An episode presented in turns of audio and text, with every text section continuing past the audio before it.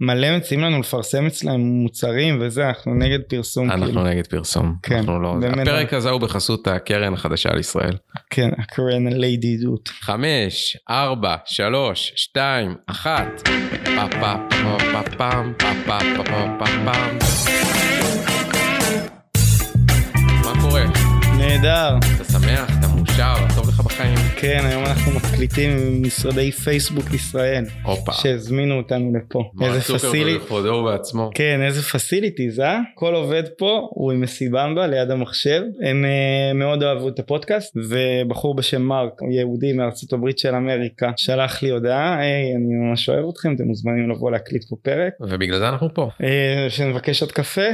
שני מקיאטו קצר בבקשה. אני רוצה אפוגטו. זה עם גלידה? כן. יש פה גם... אה, אני גם רוצה הפוגטו. כן, יש פה גם מקופלת לבן. טוב, רצית משהו אקטואלי, נכון? אתה כל הזמן אומר כן. לי בוא נדבר על נושאים אקטואליים, אני כל הזמן דוחף אותנו לשנות ה-80, בגלל שאני- סוחרי סמים, אני פדופילים. כל היום רואה בלאגן. חדשות, מה אתה רוצה? אני ממש אוהב. אז זהו, אני אז בוא קורא- נדבר, בוא אני- נדבר על משהו אקטואלי וקליל. אתה מוכן לזה? כן, שלוש, ארבע, ובמילה אחת. טרור. כרגע יש גל של טרור בארץ, נכון? נכון. לפחות בזמן שאנחנו מקליטים את הפרק הזה, מי כן, יודע מתי. ואתה יודע אתם איך קוראים תשמעו את לגל זה. של טרור שהוא מצליח? איך קוראים לו? אינתיפאדה. אתה יודע למה קראו למלחמת לבנון השנייה מלחמת לבנון השנייה? למה? כי מתו מלא אנשים. באמת, זה היה סתם מבצע. מה ההבדל בין מבצע למלחמה? כל מלחמה מתחילה במבצע, ואז לאור התוצאות יכולים לקרוא לזה מלחמה. זה מתחיל ממבצע, ואם המבצע אה, מסלים, הוא נהיה מלחמה. או שאלה הגדרות שרירותיות ולמילים אין באמת משמעות. לא, אה, ממש לא. אני חושב שלגמרי מילים יכולות לחולל את המציאות, ובגלל שמילים מחוללות את המציאות, אז יש הבדל מהותי בין אם קוראים לדבר מסוים מלחמה, או אם קוראים לו אה, מבצע. נכון, כמו שיש הבדל בין אם קוראים למישהו טרוריסט או לוחם חירות. נגיד כל הבית שלי וכל החולצות שאני לובש הם של צ'ה גווארה. חולה עליו, בצבעים שונים או כולם באדום? הכל באדום. אז בוא נדבר על טרור יאללה. ועל המילה הזאת ומאיפה היא מגיעה. טרור לא אומר בהכרח פיגועים, זאת אומרת כשאנחנו אומרים טרור היום אנחנו מתייחסים לזה בתור פיגוע, אבל המילה טרור היא פשוט פחד, פחד גדול, בעתה, אימה, זה מה שהמילה הזאת זה הפירוש המילולי הראשוני זה שלה. הפירוש המילולי של המילה הזאת, גם באנגלית וגם בצרפתית, לטרור. אז אתה בד- בעצם מדבר פה על אה, שינוי של אה, פרשנות למילה שהתחילה מתרגום מסוים והיום היא הפכה להיות שם גנרי למשהו אחר בכלל. אני מדבר על, על זה שיש למילה הזאת שדה סמנטי, זאת אומרת, אתה יכול להגיד I'm in terror, וזה אומר שאני מפחד, אבל כשאתה מדבר על terror attacks, אז אתה מדבר על פיגועים. זה מעניין בפני עצמו, כי כשאתה מדבר על פיגוע, אתה חושב על מישהו שמגיע ומפוצץ בר- אוטובוס, כן. או בא עם סכין, או עם גרזן, או מה שלא יהיה. אבל ברגע שאתה ממסגר את האירוע הזה בתור פיגוע טרור, אתה לא מדבר בהכרח על האלימות, אלא אתה מדבר על הרגשות, על האמוציות שהדבר הזה מעלה בך, נכון? כן. זה מעורר אה. לך פחד. אתה מפחד עכשיו. הרי אה, מה, מה, מה פיגוע עושה? הפיגוע הוא לא הורג שני אנשים. נניח מחר בבוקר יהיה פיגוע ברחוב אה, שנקין בתל אביב. בא מישהו עם גרזן והרג שני אנשים. באותו יום יכלו למות שני אנשים מתאונת קורקינט ברחוב הזה באותה שעה, מתאונה של נהג מונית, אה, אולי מישהו נפל מבניין, נכון? אתה יום למחרת תלך שם ברחוב הזה ותגיד סבבה, הסיכוי שזה יקרה שוב הוא קטן יותר. אממה, ברגע שנעשה פיגוע כזה ברחוב שיינקין ומישהו הלך עם גרזן, אתה בימים הקרובים לפיגוע ואולי, לא יודע מה, בזמן הקרוב, אתה לא תלך ברחוב שיינקין בתל אביב או ברחובות תל אביב בכלל, כי אתה תפחד שזה יקרה לך. אז זה בעצם המטרה הראשונית של פיגוע. לעורר פחד. לעורר פחד, לזרוע אימה, אוקיי, להפחיד את תודעת ההמונים, זה לדעתי גם סוג של אקטיביזם, בדיוק Mhm. כמו הפגנה או כל פעולה אחרת. אני למדתי בקיימברידג', אוקיי. אוקיי, תואר ראשון. מהמם. וכשאני למדתי בקיימברידג' אז uh, היה לי קורס אקטיביזם ובמהלך הקורס uh, בגלל שאני מ- מישראל אז uh, שאלתי את המרצה uh, כזה שאלה אחרי שהוא מסביר לנו מה זה אקטיביזם ופה ושם וזה אמרתי לו האם פיגוע זה אקטיביזם האם אפשר כאילו להכניס את זה תחת הקטגוריה והוא לא הסכים איתי למה לא? אה, למה לא? כי לדעתי אם אה, היו מאמצים את זה תחת אקטיביזם זה היה מקבל אה, חיבוק אה, גדול יותר.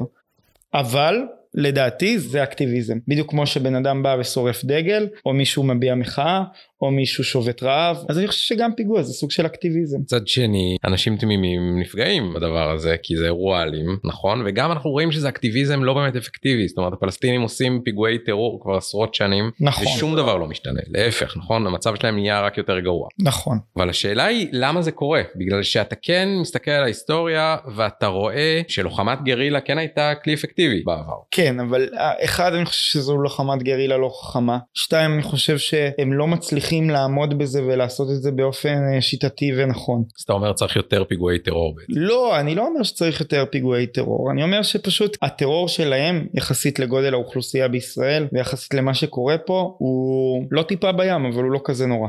בדיוק כמו שלדוגמה יום הזיכרון היית? כל שנה אז יום הזיכרון זה היום היחיד מתים שאני אנשים, כן, בו בשנה. נכון מתים אנשים כל שנה בצה"ל. כן.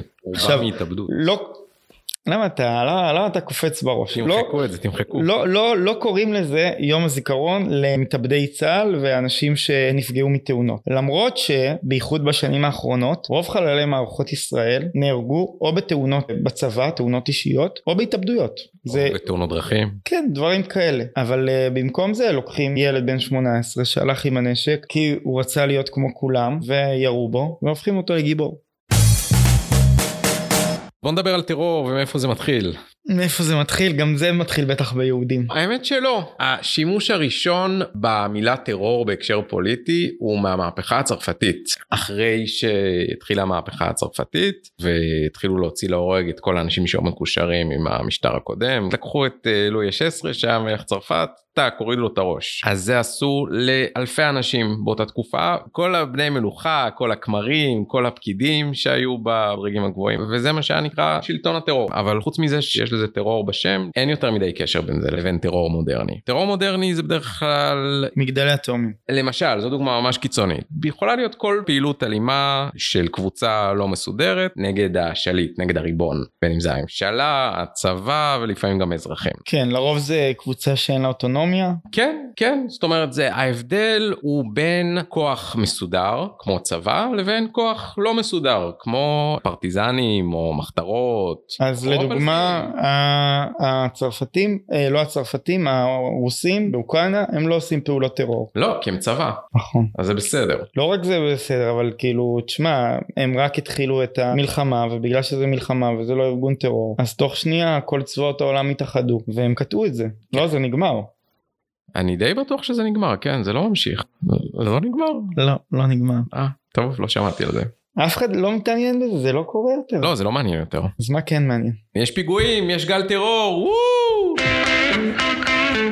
טרוריזם זה איזם מעניין, כי בניגוד לקפיטליזם או קומוניזם או סוציאליזם או כל האיזמים האחרים, אין אף טרוריסט שמתייחס לעצמו בתור טרוריסט. טרוריסטים הם לוחמי חופש, תמיד המטרה שלהם קדושה ותמיד האמצעים מקדשים את המטרה. רוצה לומר, כל אחד מדבר מפוזיציה. כל אחד הוא גיבור בסיפור של עצמו. כי מה, מה, מה קורה פה בעצם במציאות הזאת? אין אמת אחת, זה הכל מלחמה בין נרטיבים. כן, והטרוריסט הוא תמיד האחר, תמיד כן. כן. מישהו אחר הוא טרוריסט. זאת אומרת, הפלסטינים יכולים להתייחס לצה"ל בתור הטרוריסטים, נכון? למרות שהם נכון. טועים, כי לפי ההגדרה המקובלת של טרוריזם זה כוח לא מסודר. לא רק זה, אם מישהו הקשיב לפודקאסטים או הקודמים, הצבא הכי מוסרי מוסרי בעולם. בעולם, נכון. נכון, אז זה לא הגיוני להגיד דבר כזה. לא, לא, למה שנגיד זכינו דבר כזה? אה, באולימפיאדה של המוסר. אז מאיפה הגיע השם טרור בהקשר המודרני שלו? עד שנות ה-70 היו מה שנקרא פעולות גרילה, אוקיי? שזה אותו דבר כמו שאנחנו מתייחסים אליו היום בתור פעולות טרור, וזה קונספט שדי הצליח. דוגמה מובהקת ביותר להצלחה של פעולות גרילה זה מלחמת וייטנאם, כי היה לך את הווייט קונג והיה את האמריקאים שפלשו לשם, והווייט קונג לא היו יותר חזקים מהאמריקאים, אבל הווייט קונג עדיין ניצחו פשוט כי הם הצליחו להחזיק מעמד, כי הפעולה שלהם הייתה לא מסודרת והקשתה יותר ויותר על האמריקאים עד שדעת הקהל כלפי המלחמה בארצות הברית השתנתה. מהמם. ברגע שדעת הקהל בארצות הברית השתנתה אז כבר לא הייתה את ההצדקה המוסרית האידיאולוגית למלחמה הזאת והם פשוט נאלצו ללכת משם. שמלכתחילה לא הייתה. ברור כי זה הכל היה מבוסס על שקר כמו שזה תמיד. כן. אה, עוד דוגמה מוצלחת למאבקי גרילה הוא פה בארץ ישראל. מה, פה? במדינת היהודים? בלבנט. יאללה. היה לנו בשנות ה-30 וה-40 את ההגנה ואת האצ"ל ואת הלח"י. ואת חומה ומגדל. חומה ומגדל זה היה קצת אחר כך זה המבצעים של זה אבל כן גם מה זה אם- משנה אף אחד לא יבדוק אף אחד אותם. לא יבדוק אותנו לא היה גם את חומה ומגדל הארגון המחתרת המפורסם אה, אני מכולם אני אהבתי את נילי ואת חומה ומגדל. אלה אהובים עליך. אם, אם הייתי צריך עכשיו לשים את הז'יטונים שלי הייתי שם את זה עליהם. אה, אז הארגונים האלה, אתה יודע מה הם עשו? כאילו אנחנו היום... הגנו עלינו. אתה מסתובב בתל אביב ויש כל מיני לוחות הנצחה, אף אחד לא קורא את זה, נכון? אף פעם לא קראת את זה. לא. אבל אם אתה קורא את זה, אתה רואה שם כל מיני דברים מזעזעים. דוגמה. הם שדדו בנקים, הם לקחו אנשים בתור בני ערובה. רגע הם נלחמו בעצם בבריטים או בערבים או גם כן, גם וגם. וגם, נלחמו בכולם, פשוט ירו לכל הכיוונים. והם היו מחתרת. והם היו מחתרת, אבל העניין הוא... מה, ש- זה, מה זה הבריגדות? אה? מה זה? בריגדה זה אוגדה. אה ככה בסדר. זה המילה האנגלית לאוגדה. היו בריגדות יהודיות במלחמת העולם השנייה, על זה נראה לי אתה הבנ- מדבר. הבנתי. אז הם אה, שדדו בנקים והטמינו מטעני חבלה גם באוטובוס אפילו פעם ו- אחת. ותגיד אה, והרגו אנשים וחטפו אנשים ועשו מלא בלאגן. הם ארגנו פריצה מכלא פעם אחת מכלא עכו. היה איזה לוחם לח"י שכלוא בכלא עכו, הלח"י פשוט נכנסו לשם, פוצצו את כולם והעיפו אותו החוצה. מדהים. קיצור טרוריסטים. כמו בסרט עימות חזיתי. סרט אהוב עליי. אחד הסרטים. כן. עימות חזית- חזיתי. עימות חזיתי זה עם ניקולס קייג' וג'ון זה- טרבולטה זה שהם מחליפים פרצופים. כן. זה הסרט. אני כל יום קם בבוקר רואה את הסרט הזה ואז שותה קפה. עם מי היית מחליף פרצוף אם היית יכול? מה בכל העולם? כל העולם. רונלדו. למה רונלדו? כי אז כן, אתה יודע הייתי יכול אולי להפקיע יותר גולים. אבל אתה רק מחליף פרצוף הגוף שלך הוא עדיין אה. הגוף שלך. כאילו אתה אז אולי אני אחליף. אתה גוף. מוריד לו את הפרצוף בניתוח זה מה שהם עשו בסרט כן. ואתה שם אותו על הפרצוף שלך אה. זה כמו מסכה זאת אומרת אתה עדיין עולה למגרש ואתה אתה לא יודע אז אולי אבא שלי. אבא שלך כן. דש לאמא מה שלך פרויד היה אומר. עם מי אתה היית מחליף? עם אמא שלי אני חשבתי ג'סטין ביבר. גם גם אבל שוב זאת אותה בעיה כמו רונלדו אני מחליף עם ג'סטין ביבר אני עולה לבמה כן. אה, ו- אתה לא יודע לשיר. אני לא יודע לשיר למרות שגם ג'סטין ביבר לא יודע לשיר טוב אז זאת אני לא בעיה. חוזר אני מחליף את הכל עדן בן זקן.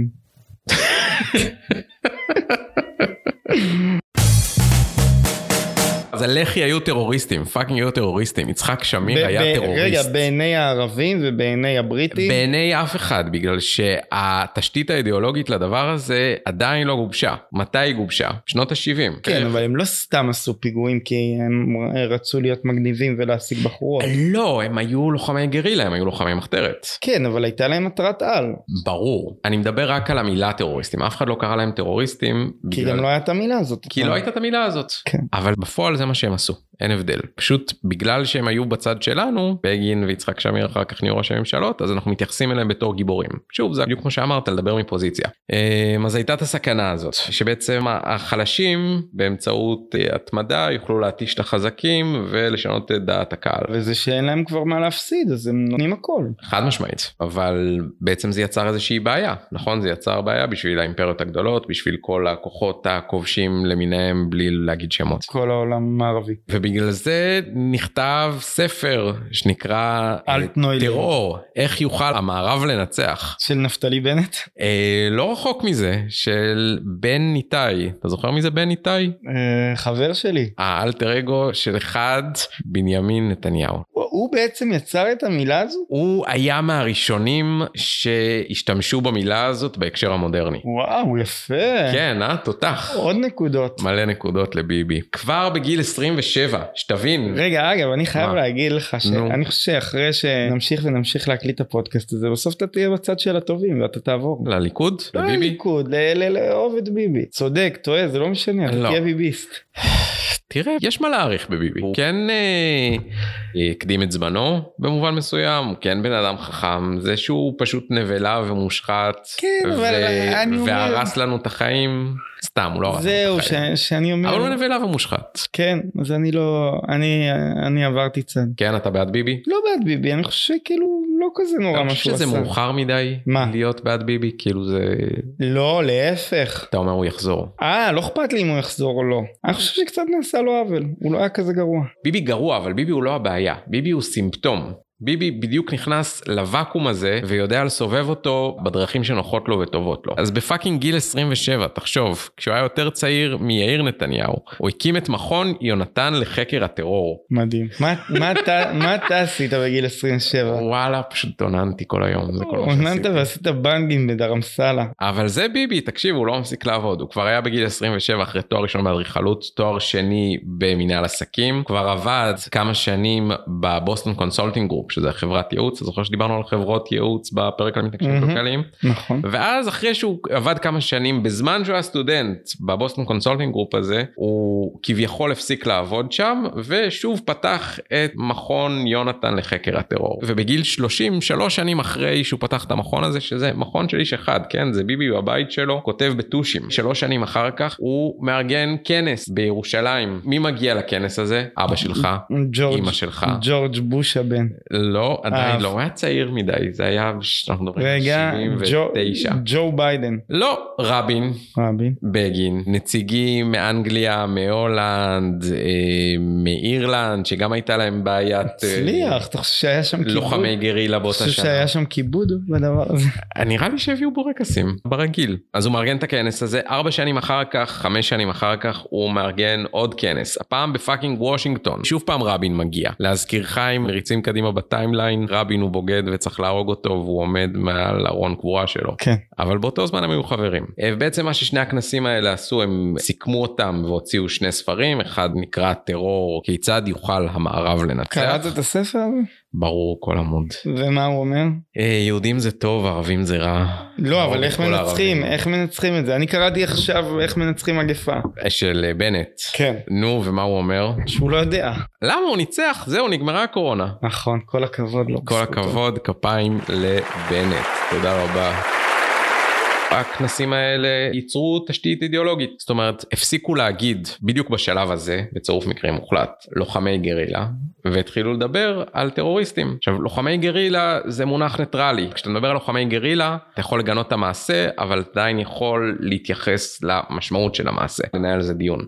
ברגע שאתה אומר טרוריסטים, אתה אומר, הם לא בסדר. וברגע שמישהו הוא טרוריסט, אז כל האמצעים כשרים. פעם כשהיה לך לוחמי גרילה, אז היית צריך לעצור אותם מן הסתם, כי הם נוקטים באלימות, אבל כן היו לך קווים אדומים. עכשיו כל בן אדם שמסמנים אותו במילה טרוריסט, אפשר לראות בו ברחוב. שזאת שאלה אם זה טוב או רע, כן? כי אנחנו לא באים לענות על השאלות האלה פה. לא, אנחנו באים לעשות לכם פרובלמטיזציה של הבעיה. מילים גבוהות. לא, מה זה פרובלמטיזציה? זה, יש בעיה, אנחנו באים לתת לה יותר תתי להגיד. בעיות ועוד בעיות על הבעיה הזאת, ולתת לכם לחשוב. פתרונות אין לנו, פתרונות יש רק באגד. אתה מכיר את המשפט הזה? לא. כן, משפט כזה. חברים, יש רק באגד, זאת התשובה הנכונה.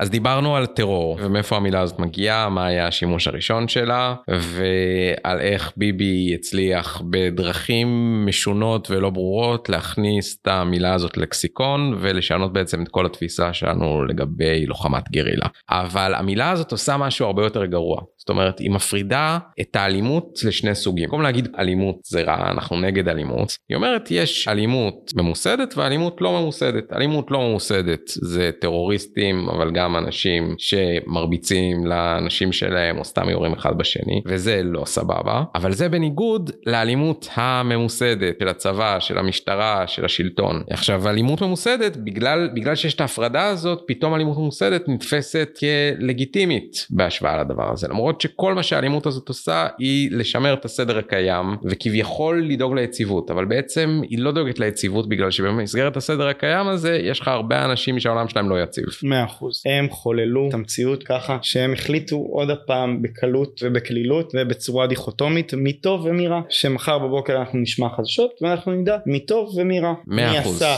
אקטיביזם סלאש פעולות לגיטימיות. שחרור גרילה לגיטימיות ומי הוא עשה במילה אחת פעולות לא לגיטימיות. דבר נוסף שביבי עשה בכנסים האלה, זה לקשור בין פעולות גרילה לקבוצות איסלאמיסטיות. שזה משהו שאנחנו חושבים עליו עד היום, נכון? זאת אומרת, אני אומר לך מחבל, אתה ישר מדמיין ערבי. נכון. עכשיו זה מעניין במיוחד כי בדיוק באותם שנים בוושינגטון היו עסוקים מאחורי הקלעים בלממן קבוצה של אה, לוחמי חופש איסלאמיסטים שנקראו המוג'הדין. המוג'הדין האלה הם פעלו בעיקר באפגניסטן והם בעצם היו הבובות של האמריקאים במלחמה נגד רוסיה שניסתה להשתלט על אפגניסטן באותם שנים. אז הם נתנו להם כסף, מימנו אותם, נתנו להם נשק, סיפור הידוע, אנחנו מכירים את זה. מי היה אחד מה... מלוחמי החופש הצעירים האלה באפגניסטן באותם שנים? אחמדינג'אד. לא רחוק מזה, אבל אולי קצת יותר גרוע, תגיד לי אתה מה אתה חושב? מי יותר גרוע, אחמדינג'אד או אוסמה בן לאדן? אוסאם בן לאדן. אז- באמת הוא היה חבר? הוא היה חבר כאילו בזמן במוג'הדין. שאתה הלכת לצופים, צופי תל אביב, מהמם. ושרת, הוא ירה ב-RPG על מטוסים רוסים. אז בעצם הוא בעיניים אמריקאיות, נכון לשנות ה-80, היה לוחם חופש. למה? כי זה שירת להם את האינטרסים. כי זה שרת להם את האינטרסים, זה היה נגד הרוסים שהם היו הרעים. וואי, יפה, אפשר לעשות על זה קומיקס. איך מזה הוא הפך לנבל. אתה אומר, אוסמה בן לאדן... מתחיל מספיידרמן, ואז נהיה האיש השני הלא טוב. אני לא, לא מבין בקומיקס. עכשיו עוד קבוצה שפעלה בדיוק באותם שנים, זה גם מעניין, זאת המחתרת היהודית. אהבתי אותם. אוקיי. באירוויזיון האחרון. הם היו מקסימים. מה הם שרו? אני לא זוכר. פינג פונג, את השיר של פינג פונג, בי הפי. איך זה הולך? או, בי הפי, שמח, כן. מי היה במחתרת היהודית? תודה שאתה שואל, חגי פאקינג סגל, אבא של עמית סגל, והעורך של מקור ראשון. עכשיו המחתרת היהודית הזאת, כמו טרוריסטים רגילים, גם שתלו מטעני חבלה, ניסו להרוג כמה ראשי... ערים. דרך אגב, אתה יודע איך השמאל קורא לאבא של עמית סגל? אלוהים. טרוריסט. כן, בצדק. אה... לא, אני אומר, רק תראה את הצביעות של ה... אתה מבין? זה- זה- אה, זה אני זה הולך די... להשתמש בבמה הזאת בשביל זה- להגיד, זה די אומר חגי דרשני. סגל, אבא של עמית, הוא לוחם חופש, וכל הכבוד לו על מאבקו הצודק. לא, אני קצת בטוויטר, ואני רואה הרבה פעמים רושמים, "תסתום- תסתום את המחבל הפה. חגי סגל. לא, תסתום את הפה, אבא שלך היה טרוריסט. קצת היה. אה, אין בעיה, סבבה. הוא רצה לפוצץ את הר הבית. כן, אבל אתה אמרת בעצם שמקודם היה אסור להגיד את זה, ועכשיו כאילו מותר להגיד את זה. אני אומר שאפשר להשתמש במילה לשני הכיוונים. וזה וואלה עובד. מקבל. המילה טרוריסט בסך הכל מראה את הצביעות של כולנו, נכון. היא מראה ב- מאיזה פוזיציה אתה מדבר, וזה בעצם הרעיון האידיאולוגי במילה הזאת טרור, זאת אומרת זה לצבוע את האחר באור בצבע שלילי. לא מחמיא, בשביל שלא תוכל להתמודד עם הטענות שלו, בין אם אתה מסכים עם המעשים, בין אם הם אלימים ובין אם לא. אם היינו לוקחים אה, ציר זמן אחר, אז זה היה סבבה, ועכשיו זה לא סבבה. נראה לי כל ההיסטוריה היא נכתבת, אז לא שהיא נכתבת מפוזיציה, היא נכתבת כאילו מה לגיטימי היום ומה לא לגיטימי מחר. מהמם. אה, אפשר לדבר על אה, מתנחלים. פעם. מתיישבים, אני מבקש. אה, לא, אז כן, פעם קראו להם מתיישבים. הכל היה התנחלויות. אתה אומר אפילו שתל אביב הייתה התנחלות. אה, סוג של התנחלות. נכון, אבל היום לא קוראים לה התנחלות. לא, אז זה חוץ גם... מבכתובות גרפיטי מסוימות בפלורנטין. מה בכתובות גרפיטי? יש בפלורנטין איפשהו, גם תל אביב היא התנחלות. באמת? כן, צילמתי את זה באינסטגרם שלי, תסתכל. פעם למדתי קולנוע, ובקולנוע יש משפט שאומרים שזה אף פעם לא הדבר. זה תמיד משהו אחר. אתה רואה נגיד מישהי יורה במישהו והיא רוצחת אותו, זה לא הרצח. זה- מה המשמעות, מה הסאבטקסט. כן, מה, מה הסאבטקסט? בגדול זה ממשיך את הקו שלנו מהפרקים הקודמים לזה שבעצם אה, צובעים לנו את המציאות או שנותנים לנו משקפיים מסוימות לראות את המציאות שלנו ועושים את זה בדרך מאוד חכמה. מהמם. אני הופתעתי ממה שאמרת על ביבי ואם אהבתי אותו קודם אני עכשיו אוהב אותו קצת יותר זה די יפה מה שהוא עשה. המלצת תוכן, יש לך המלצת תוכן? כן, אני רוצה להמליץ על הסדרה טלנטה, אחלה סבבה. סדרה. אני רוצה להמליץ על אלטלנה, אחלה אונייה. טובה בים. לילה טוב. אה, לילה טוב. אתה יודע שהייתי במגדלי התאומים חודשיים לפני שהם נפלו? הייתי יכול להיות שם באותה מידה חודשיים מאוחר יותר. הייתי יכול לא להיות פה ולדבר איתך פה עכשיו. תחשוב איך החיים שלך היו שונים אם לא היית מכיר אותי. לא היה לי פודקאסט.